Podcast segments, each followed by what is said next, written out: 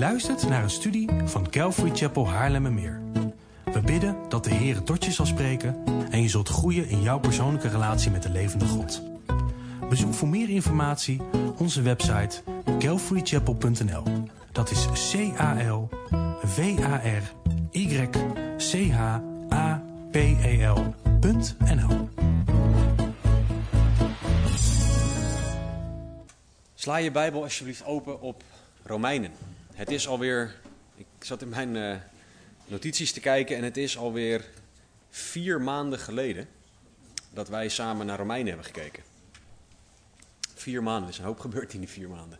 Wij zijn gezegend met ons derde dochtertje in die eh, periode, dus eh, daarom onder andere dat het even geduurd heeft. Maar vandaag pakken wij de studie op en gaan wij samen twee hele versen behandelen. Romeinen hoofdstuk 10, vers 1 en 2. En we gaan in deze versen zien dat God niet alleen wil dat wij ijveren, dat wij bezig zijn, dat wij werken, maar Hij wil dat we dat met het juiste inzicht doen. Dat is waar we naar gaan kijken in deze versen. En dit is heel erg belangrijk. Op de, de banner die gemaakt is voor, dit, voor deze preek, daar staat iemand die met een decoupeerzaag een stuk hout wil gaan zagen. Toen mijn vrouw en ik net getrouwd waren, was ik het klassieke voorbeeld van iemand met twee linkerhanden. Dus ik was in staat om een stuk hout te snijden en dan soort van ook in mijn hand te snijden. Door de tijd heen ben ik wat, wat handiger geworden. Maar dat gevaar lopen we soms. Dat wij ijveren, dat wij bezig zijn, dingen doen voor de Heer en vaak met de juiste intenties. Maar als je bezig bent met een decoupeerzaag, wat voor degene die dat niet weten een elektrische zaag is. Dat als je het knopje indrukt, dan gaat die aan en dan gaat die door als je een klein zetje geeft. Hout ermee zagen is echt verstandig. Je vinger is wat minder verstandig. Als jij ijvert met het verkeerde inzicht, dan kan je een decoupeerzaag in je hand zetten. En dat kunnen wij ook doen in het koninkrijk van God. Wij kunnen ijveren en bezig zijn en dingen doen voor de Heer, maar tegelijkertijd onszelf of iemand anders in de hand zagen, in de hand snijden en pijn veroorzaken waar dat niet de bedoeling was. En daarom mogen wij leren om te ijveren met het juiste inzicht. Nou, dit staat in de Romeinenbrief en omdat het al even geleden is dat we naar Romeinen hebben gekeken, wil ik heel kort terugblikken op de hele Romeinenbrief. Dus ik zal het heel kort houden, omdat, het, omdat we al een eind zijn. Romeinen is door de apostel Paulus geschreven en men verwacht dat dat rond het jaar 57 na Christus is, terwijl Paulus in Korinthe was. En Paulus schreef naar een kerk in Rome, waar hij zelf tot op dat moment nog niet geweest was. Dus hij schreef naar christenen die hij misschien kende, mensen die daar naartoe verhuisd waren, maar hij kende de locatie niet. En Paulus schreef deze brief om hen te onderwijzen, om hen dingen duidelijk te maken. Romeinen wordt door veel Bijbelcommentatoren ook wel het hoogtepunt van het Nieuwe Testament genoemd als het aankomt op het uitleggen van het Evangelie.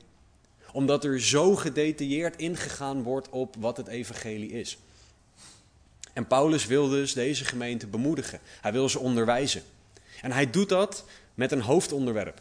Hij heeft een onderwerp wat hij duidelijk wil maken. En dat is het onderwerp rechtvaardiging. Recht voor God kunnen staan. En vanaf het begin maakt Paulus duidelijk dat we dat niet vanuit onszelf kunnen.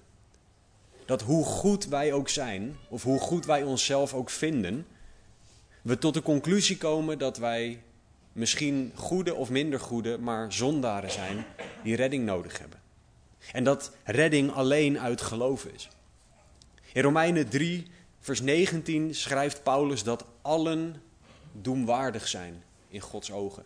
Ieder mens. En dat daarom ieder mens ook het evangelie nodig heeft. Wat volgens Romeinen 1 vers 16 de kracht van God tot zaligheid is voor een ieder die gelooft.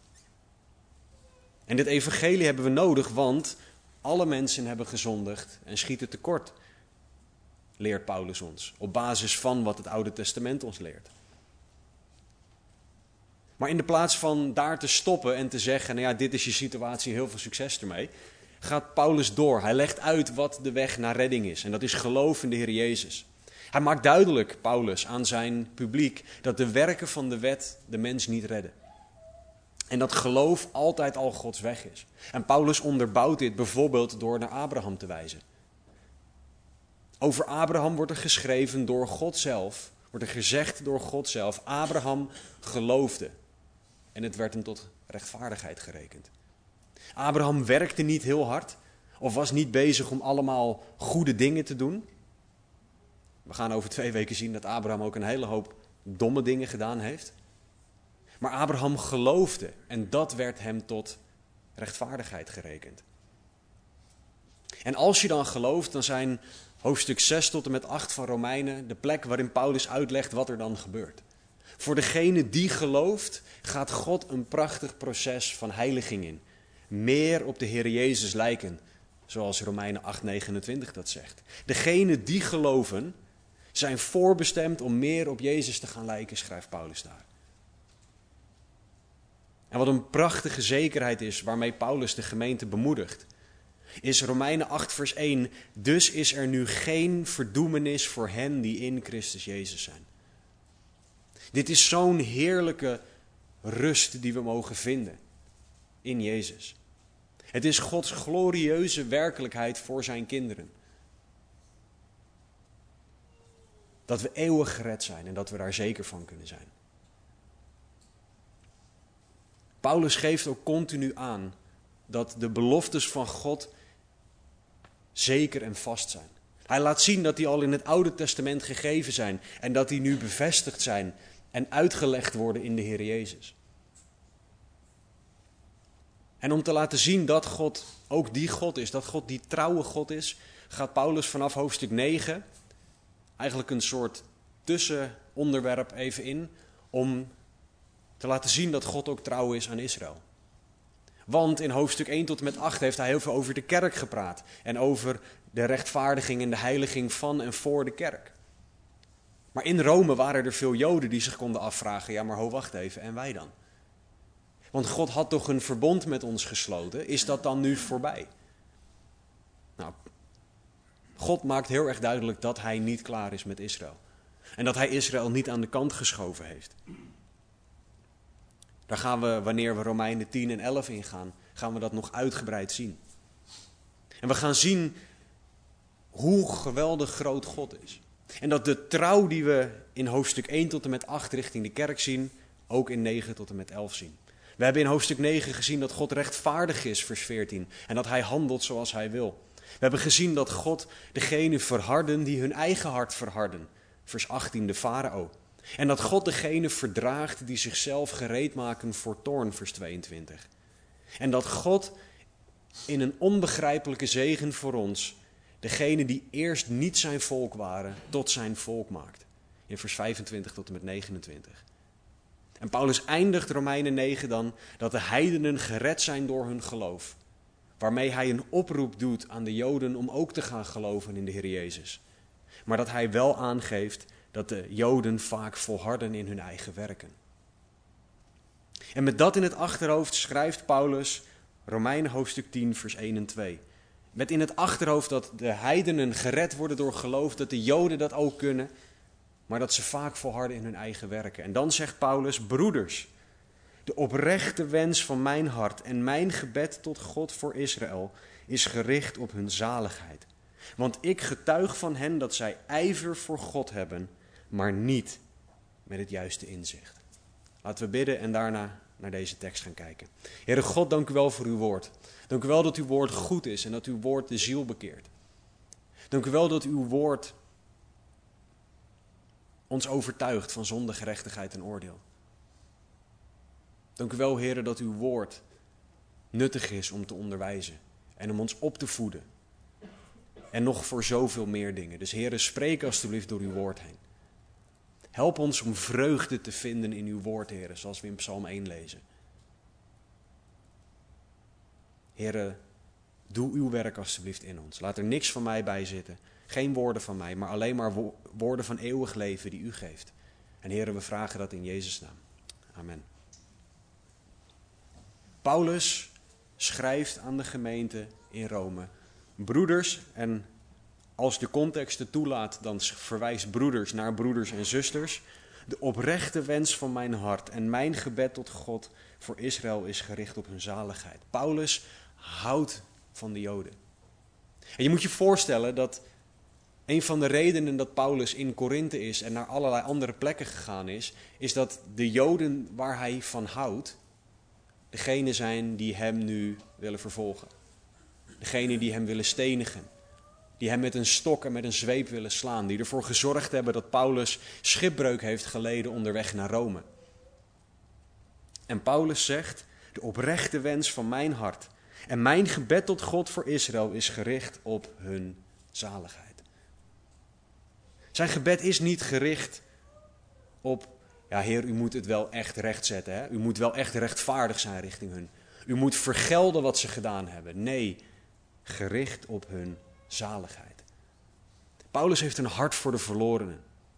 En hij begon hoofdstuk 9 met woorden van de gelijke strekking. Dat hij ook daar wilde dat de Joden gered zouden worden. Dat hij wilde dat ze tot kennis der waarheid zouden komen. En hij zegt ook de oprechte wens van mijn hart. Dit leefde in Paulus zijn hart. Dit is wat hij wilde zien, waar hij een verlangen naar had. Dit was een last op zijn hart. En Jezus zegt in Lucas 6, vers 45, dat uit de overvloed van het hart spreekt zijn mond. Dus dit is iets wat in Paulus' hart zat en wat hij communiceerde naar de kerk in Rome. Dus dit zal ongetwijfeld ook Paulus' woorden beheerst hebben. Dit zal iets zijn waar hij mee bezig was, waar mensen over hoorden die met Paulus spraken. Paulus die ging ook wanneer hij naar een nieuwe stad ging, en dat zien we in handelingen, ging hij eerst naar de Joden, voordat hij naar de heidenen ging. Hij wilde dat zijn medebroeders en zusters uit Israël gered zouden worden. En er staat de oprechte wens. Dat klinkt een beetje als een wenskaart, een soort van zo'n hallmarkkaart of zo.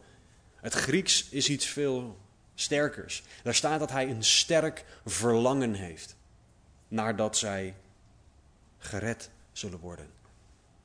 Hij wil echt dat de Israëlieten gered worden. Hij verlangt daarnaar en zet zich er ook voor in.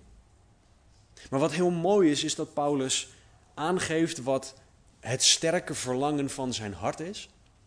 En tegelijkertijd direct aangeeft wat de juiste manier is om om te gaan met een sterk verlangen van je hart.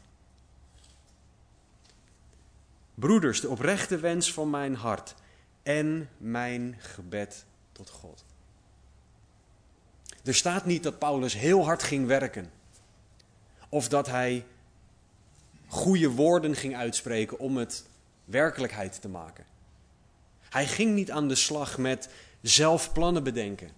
Zelf een PR-campagne opzetten voor Jezus. Hij ging niet aan de slag met zelf redeneren. Nee, mijn gebed tot God.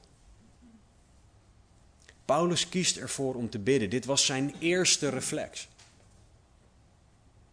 We hebben het er wel eens eerder over gehad dat wij als christenen vaak als laatste reactie hebben: oh ja, we kunnen ook nog bidden.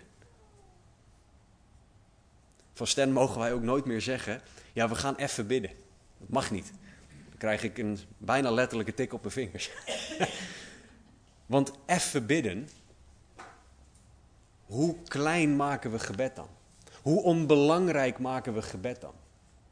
Hoe onbelangrijk zien we de God tot wie we bidden dan? In plaats van dat we zien, ik heb een verlangen in mijn hart, we gaan ervoor bidden.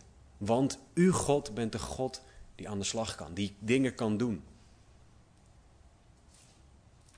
Paulus verlangde hier iets goeds.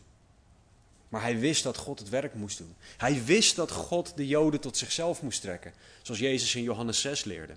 Hij wist dat de geest moest overtuigen van zonde, gerechtigheid en oordeel, zoals Johannes 16 leert. En hij wist dat de mens moest kiezen om te geloven op basis van de openbaring van God, zoals Efeze 1:13 ons leert. En Paulus bidt dat Israël zal inzien dat redding uit genade is en niet uit werken, waar hij het, in het aan het einde van hoofdstuk 9 over gehad heeft. Dat de Joden die zo hard aan het werk waren, het hele punt gemist hadden. Namelijk dat de wet ze tot Jezus zou horen te leiden. Hij bidt dat God het werk gaat doen. En dat ze door geloof gered worden, zoals Efeze 2 achter ons leert. En we zien hier iemand die ijvert met het juiste inzicht. Want zijn ijver is niet ik ga zelf van alles doen, maar zijn ijver is bidden. Zijn ijver is op zijn knieën gaan. Zijn ijver is naar God toe rennen in de plaats van het zelf willen oplossen. In Filippenzen 4, vers 6 en 7 schrijft Paulus: Wees in geen ding bezorgd, maar laat uw verlangens in alles door bidden en smeken met dankzegging bekend worden bij God. En de vrede van God, die alle begrip te boven gaat, zal uw harten en uw gedachten bewaken in Christus Jezus. Dit is een tekst om uit je hoofd te leren. Twee versen.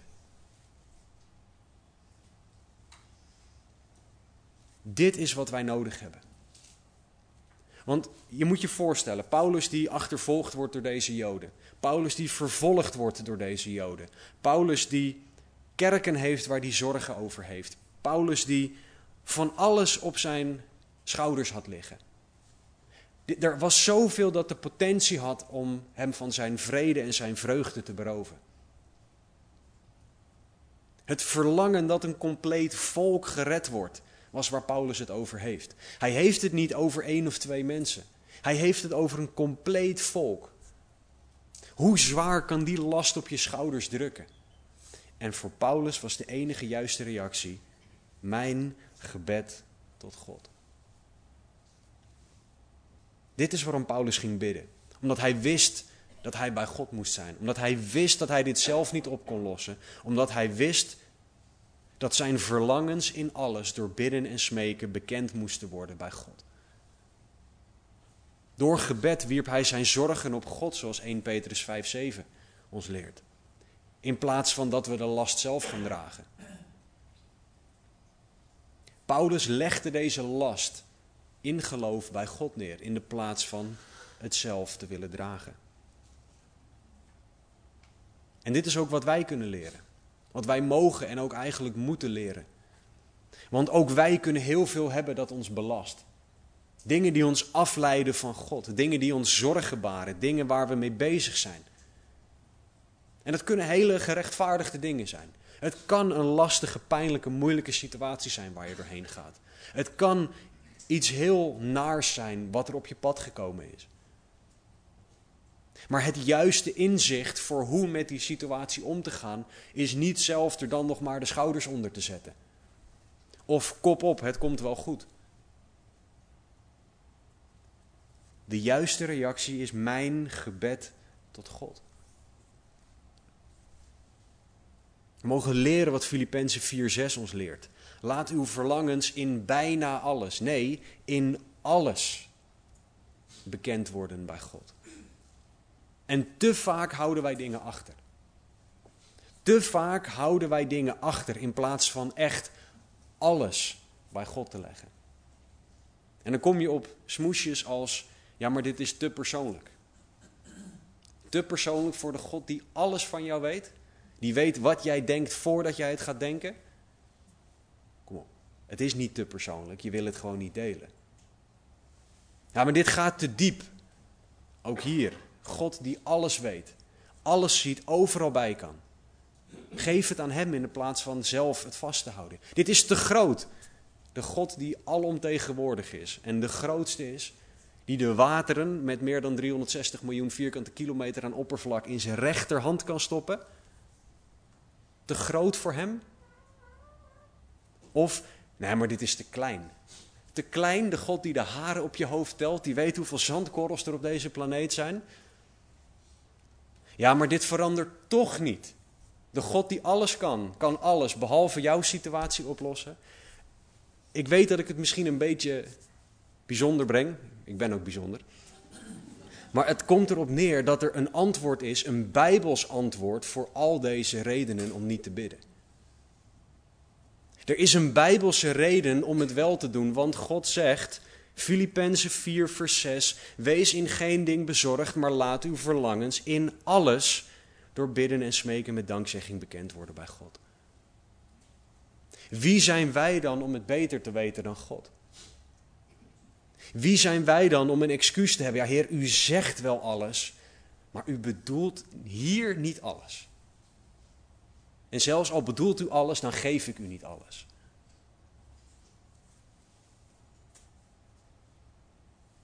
Het probleem is dat je dan zelf de last gaat dragen. Het probleem is dat er iets op jouw schouders ligt wat niet de bedoeling is. In Matthäus 11 leert Jezus ons dat zijn last licht is. Dus we mogen Hem vragen om zijn last en alles wat, onze, wat er op onze schouders ligt, mogen we op Hem werpen. Het is ijver met verkeerd inzicht, ijver zonder inzicht, als je zelf lasten gaat dragen in de plaats van het overgeeft aan de Heer. Dus christenen, welke verlangens heb jij? En waar bid jij voor? Heb jij verlangens waar je niet voor bidt? Heb jij verlangens waar jij meer met mensen dan met God over praat? Heb jij verlangens die je stilhoudt? Of breng jij alles in gebed bij God? Wat ijver met het juiste inzicht is.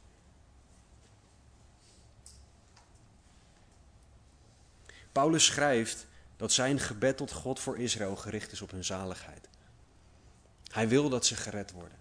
En hij doet het enige juiste wat hij kan met deze onmogelijke taak voor zich. Want Paulus was niet in staat om hen tot geloof te brengen. Hij bidt. En hij weet dat hij moet bidden, want vers 2, ik getuig van hen, van Israël, dat zij ijver voor God hebben, maar niet met het juiste inzicht. En we moeten goed begrijpen wat er hier gebeurt. Paulus geeft de Joden die hem achtervolgen, die hem willen stenigen, schipbreuk laten leiden en et cetera, al die dingen die al genoemd zijn, hij geeft ze een compliment. Hij zegt, zij hebben ijver voor God. Dat is iets moois, dat is iets prachtigs. Ze zetten zich voor God in met alles dat ze hebben. Ik heb met eigen ogen mogen aanschouwen hoeveel inzet Joden voor God hebben. En dat is fantastisch om te zien.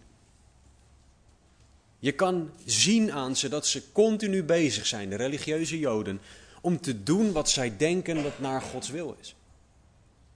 Ze, ze richten hun hele leven erop in. Ze doen dat vol passie. Ze hebben ijver voor God.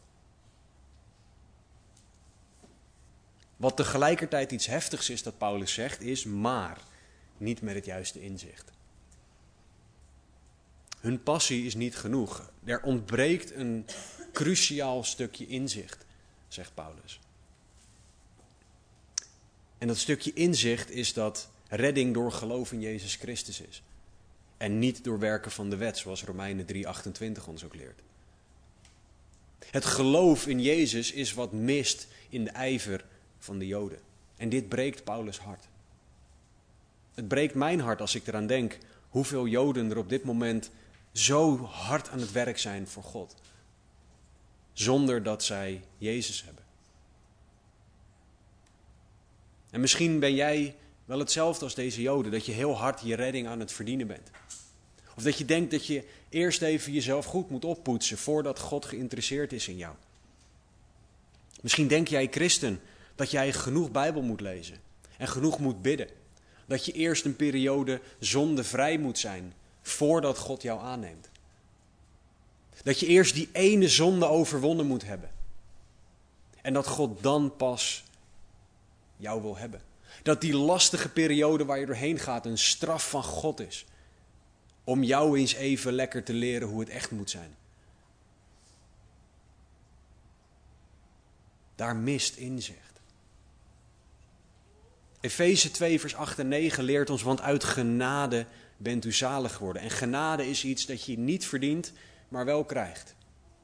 Uit genade bent u zalig geworden door het geloof en dat niet uit u.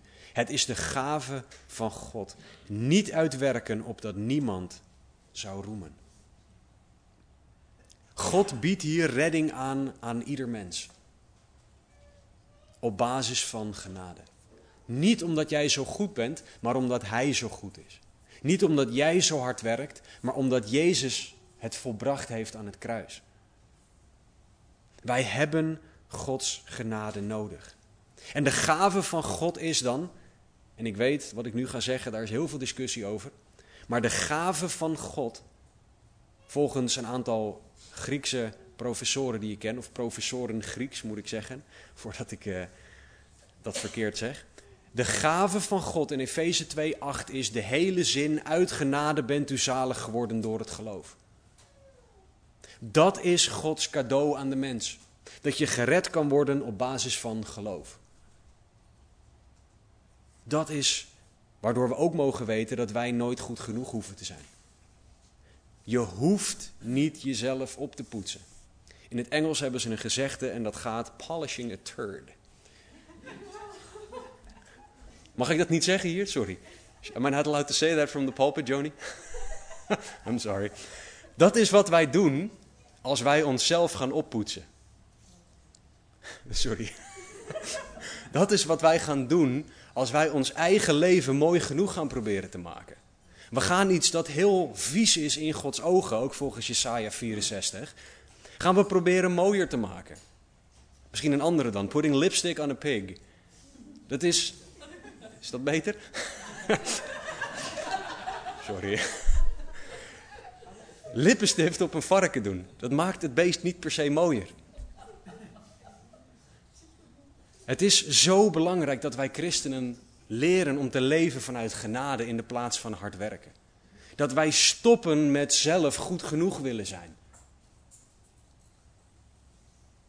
En wat ook heel belangrijk is, is wij hoeven de genade van God niet te begrijpen. Want misschien een heel, hele openbaring, maar wij zullen de genade van God nooit begrijpen. We zullen misschien een theoretische definitie eraan kunnen geven.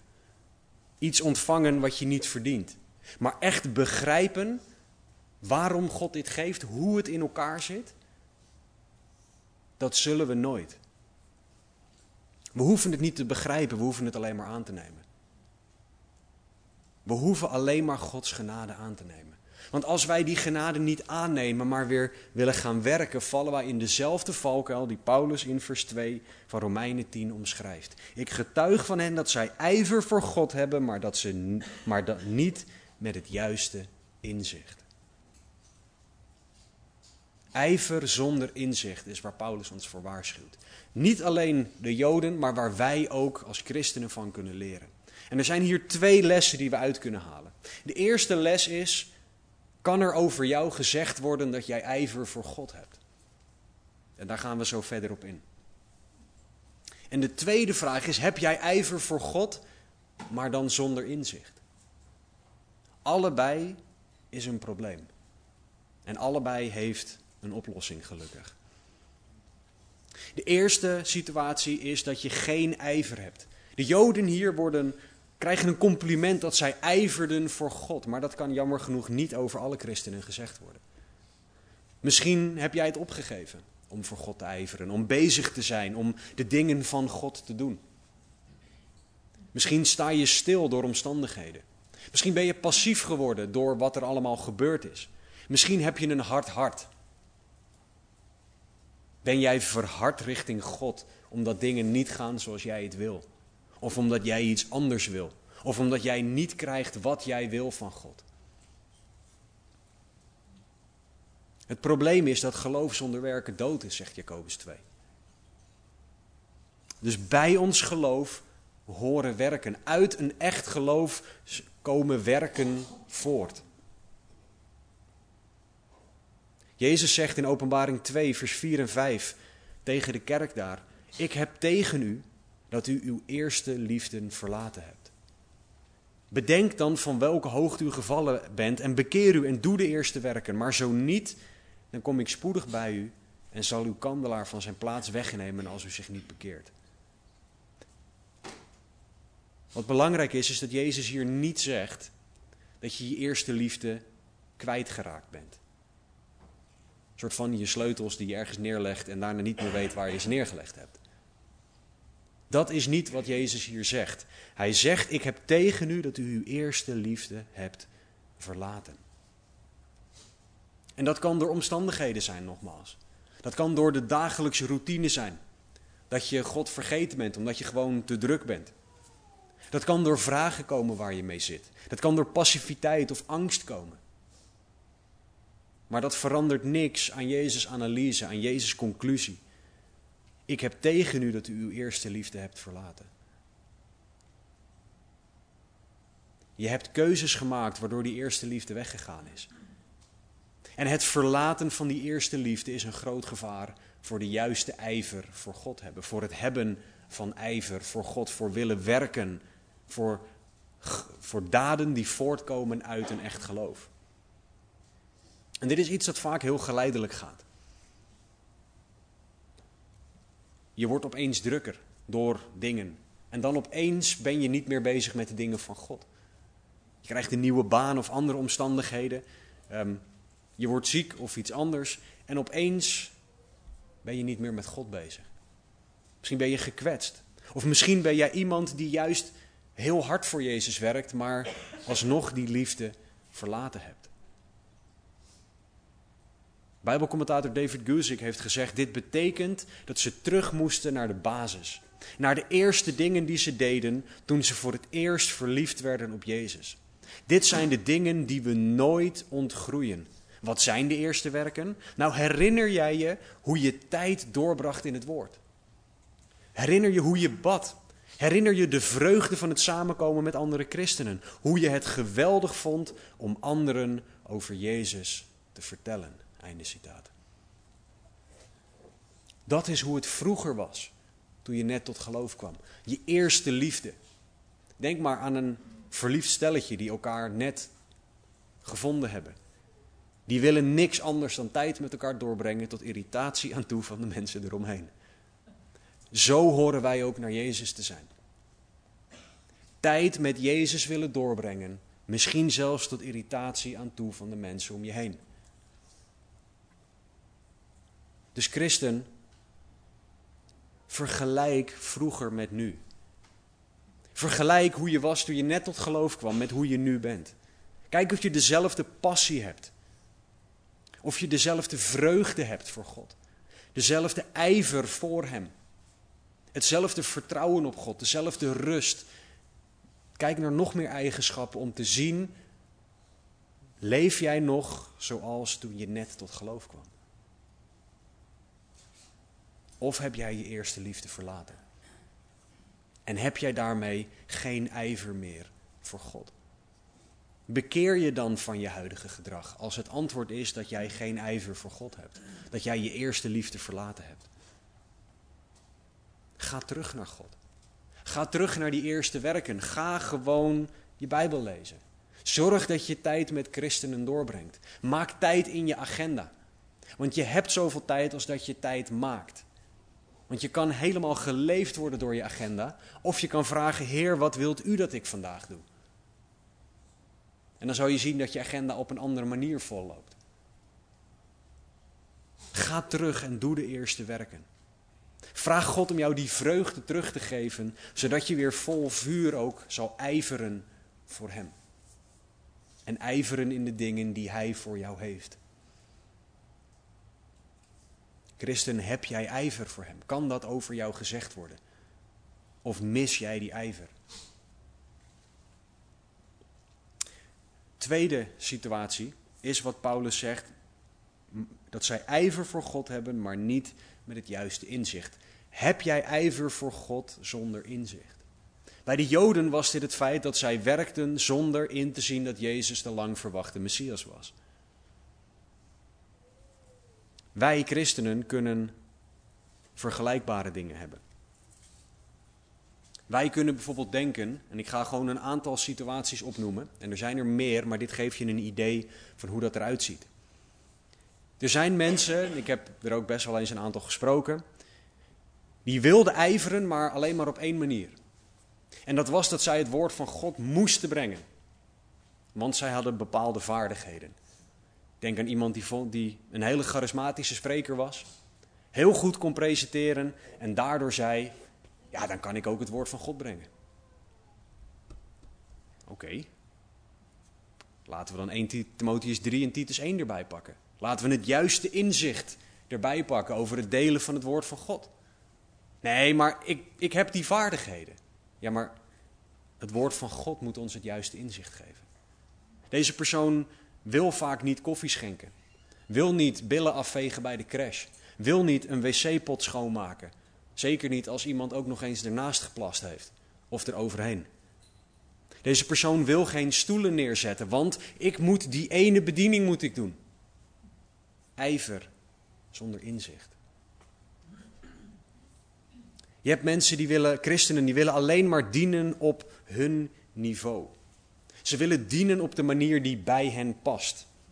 Op hun intellectuele niveau, op hun creatieve niveau, op hun inzetniveau. Maar het, ik moet het goed vinden. Als Filippenzen 2, vers 3 en 4 ons leert dat wij niks uit eigen belang moeten doen. En als Matthäus 22, 39 ons leert dat wij onze naasten moeten liefhebben als onszelf. Hoe kunnen wij dan zeggen?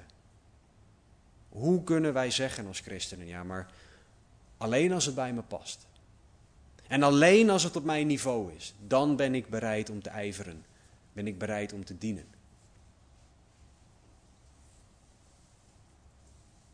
Sommige christenen denken dat ze de bediening van correctie hebben. Dat het hun taak is om op hun tijd en op hun manier een ander te corrigeren. En dat de ander dat dan maar moet aannemen, want je ziet toch dat God mij dit gegeven heeft. En dan gaan ze voorbij aan de instructies die er in het woord staan over een ander terechtwijzen. Zoals Galaten 6.1 ons dat leert. Dat je het in een geest van zachtmoedigheid moet doen. Maar dat we het op onze eigen manier willen doen. En de liefde regeert dan niet. Te vaak is dat hoe wij omgaan met een ander terugbrengen bij God. Dat we dat op onze eigen manier doen. En je neemt het maar aan, want ik bedoel het goed. In de plaats van de instructies vanuit Gods woord te volgen. Dan kan je ijveren, maar heb je het verkeerde inzicht. volgende is een hele Nederlandse. Als, je wil alleen ijveren als het in jouw agenda past. En als je dan op zijn Nederlands bent, dan Heer, ik heb over drie maanden om half drie smiddags heb ik een half uurtje voor u. Dat is heel Nederlands. God je agenda laten omgooien. God je agenda laten bepalen. God een afspraak laten afzeggen uit je agenda. Je kan al bijna de tenen horen krommen af en toe. Als je het hierover hebt met mensen die op deze manier naar ijveren kijken. Alleen als het mij uitkomt. En als het in mijn agenda past. De vraag is of dat ook is zoals God leert dat wij horen te ijveren. En niks tegen een agenda, hè, want het is echt niet erg om dingen in te plannen. Alleen heeft God in jouw leven de autoriteit om je agenda om te gooien. In 1 Petrus 4:10 leren we dat we de ander moeten dienen. In Lucas 9:23 leren we dat we dagelijks moeten sterven aan onszelf. En op geen van deze versen staat erbij, maar alleen als het jou uitkomt en als het in je agenda past. Wij horen te ijveren voor God, maar dan op zijn manier. En op zijn manier betekent ook op zijn tijd. Want Hij is de maker van tijd. Hij is degene die ons leven hoort te leiden. Dus ook wat wij wanneer en hoe doen. Mag God jouw agenda omgooien? Mag God jou leiden om te dienen op een moment dat het jou niet uitkomt? Of zeg je dan, nee heren, sorry, de agenda zit vol. Kijk, het staat er. We hadden vroeger bij mijn ouders in huis een papieren agenda. En als dingen in de agenda stonden, dan was het waar. Dus een niet nader te noemen jonger broertje van mij, die had toen in de agenda geschreven dat hij zei volgens mij papa is oud of papa en mama zijn oud. Want wij noemden ze altijd oud, maar het was pas waar als het in de agenda stond. Dus een niet nader te noemen jongere broer van mij. Um, Staan wij op die manier tegenover onze agenda? Dat pas als het in mijn agenda staat en als ik het vastgelegd heb, dan moet het gebeuren. Of is het zo dat als God iets anders wil, zoals papa en mama niet oud laten zijn, dat dat dan ook mag? Mag God jou leiden om te dienen op een moment dat het simpelweg voor jouw gevoel niet uitkomt? Of is het dan, Heer, jammer? Nog zo eentje. Ijveren zonder inzicht. Het dienen mag niet over mijn grenzen heen gaan.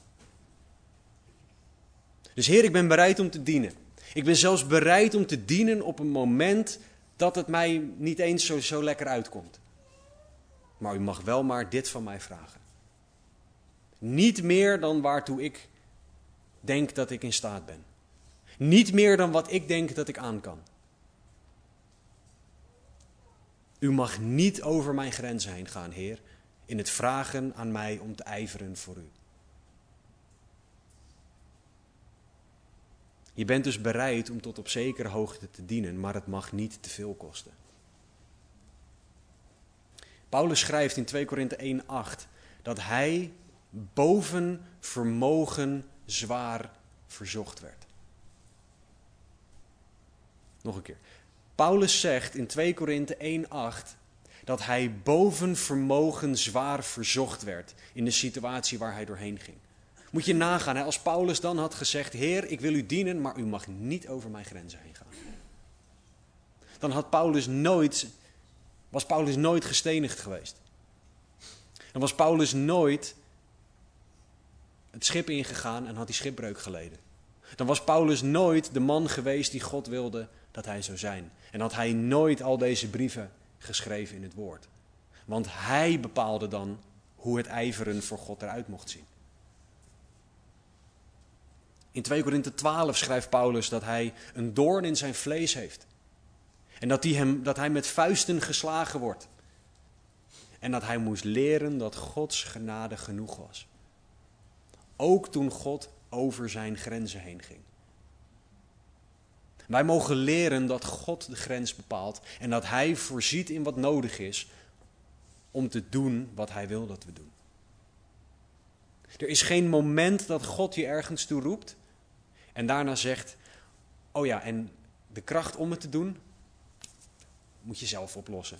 En te bedenken hoe je het gaat doen, je bent slim, komt goed, kan je zelf uitvogelen. Nee, wanneer wij voor God mogen ijveren, geeft Hij alles dat we nodig hebben. Zijn genade is genoeg. We hoeven het niet zelf te bedenken. De laatste over ijveren zonder inzicht is dat je alleen wil ijveren. Je bent misschien bereid om het op een, of op een vervelend moment te doen. Je bent misschien bereid om het te doen dat het zelfs over jouw grens heen mag gaan, maar alleen voor bepaalde mensen. Heer, u mag me vragen om iedereen te dienen, behalve hem of haar. Want die heeft X, Y, Z bij mij gedaan. Jezus hing aan het kruis, met spijkers door zijn handen en zijn voeten. En degenen die hem aan het kruis hadden genageld, zei Jezus, en Heer, nu vuur uit de... Vader, vergeef het hen. Jezus was bereid om de mensen te dienen die hem aan het kruis sloegen. Hoe durven wij dan? Hoe durven wij om te zeggen: Heer, ik wil dienen, maar niet persoon X, Y, Z? Hoe arrogant kunnen wij zijn? Romeinen 12, 18 zegt dat voor zover het aan ons ligt, wij in vrede met allen moeten leven. Jezus zegt dat we elkaar moeten liefhebben in Johannes 13, 35. Dat laat geen ruimte voor alleen bepaalde mensen willen dienen. Op geen enkel moment. En in al deze dingen die ik genoemd heb en meer, over ijveren zonder inzicht, is er een probleem en dat probleem is het hart. Er zit iets in jou en mijn hart waardoor wij sommige situaties, sommige mensen wel willen ijveren, maar dan op mijn manier. Soms kies je hier bewust voor. En heb jij een verhard hart. Soms doe je het uit onwetendheid, dat je niet doorhebt dat je alleen maar aan het ijveren zonder inzicht bent. Een voorbeeld daarvan is bijvoorbeeld na de dienst altijd met dezelfde mensen praten. Dat doen je soms uit onwetendheid. Maar je gaat voorbij aan het feit dat er misschien iemand anders is die je mag dienen. Maar in alle gevallen hebben wij Bijbels inzicht nodig. Wij hebben ijver met inzicht nodig.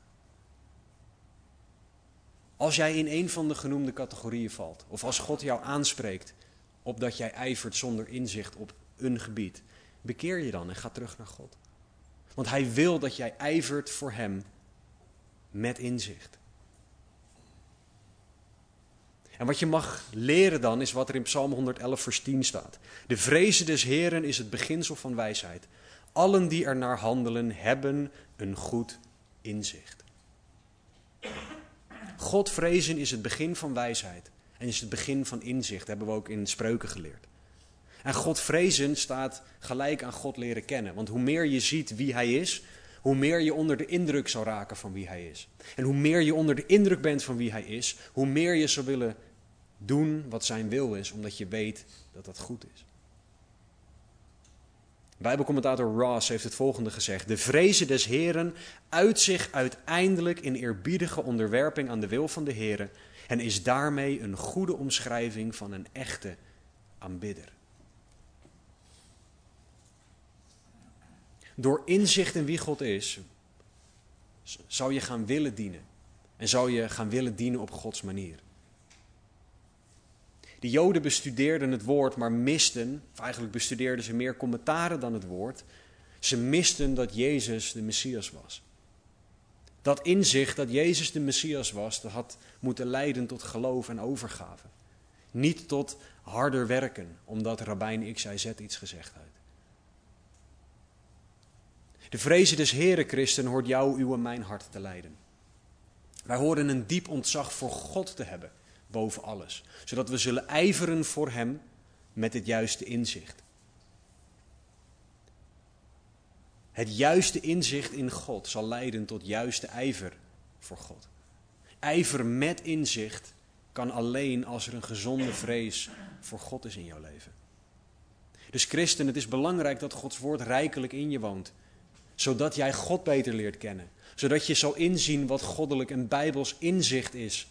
En dat je zal leren waar en hoe je mag dienen op Gods manier. En dit inzicht, dit begint dat ieder mens redding nodig heeft. Dat ieder mens een zondaar is en tekortschiet in Gods ogen.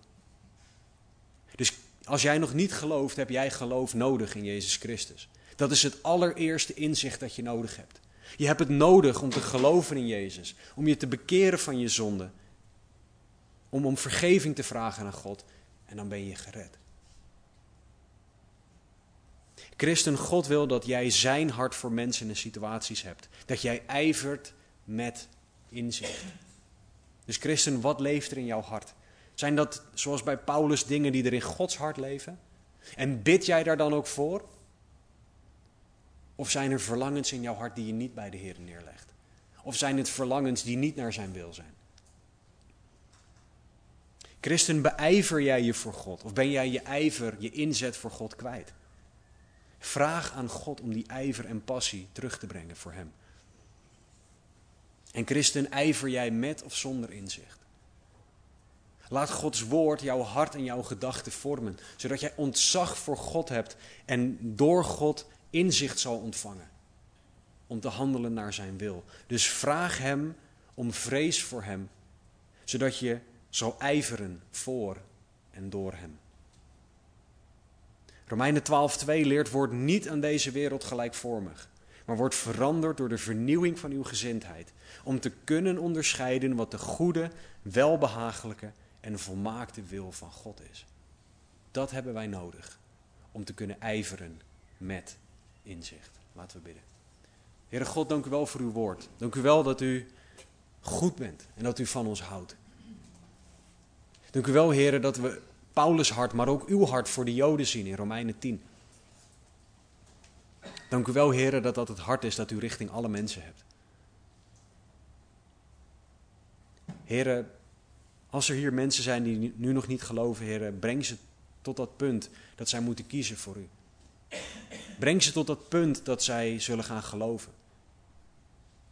Heer, laat ze zien hoe logisch het is om in u te geloven. Hoe rationeel het is. Heren, als er hier mensen zijn die hun ijver kwijt zijn geraakt, of die ijveren zonder inzicht, heren, trek ze tot uzelf. Laat ze alstublieft zien wat hun situatie is. En ook dat ze u nodig hebben. Laat ze alstublieft zien wie u bent, heren, zodat ze opnieuw vrees voor u zullen hebben. Meer vrees voor u.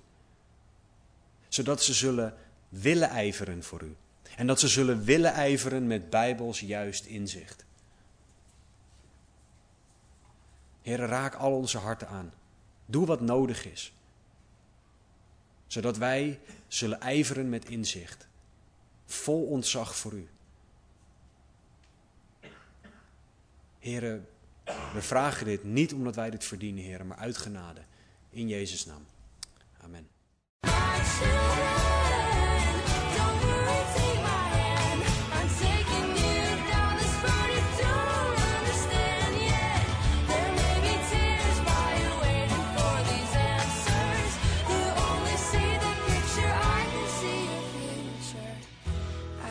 tell you right now, it's gonna be alright.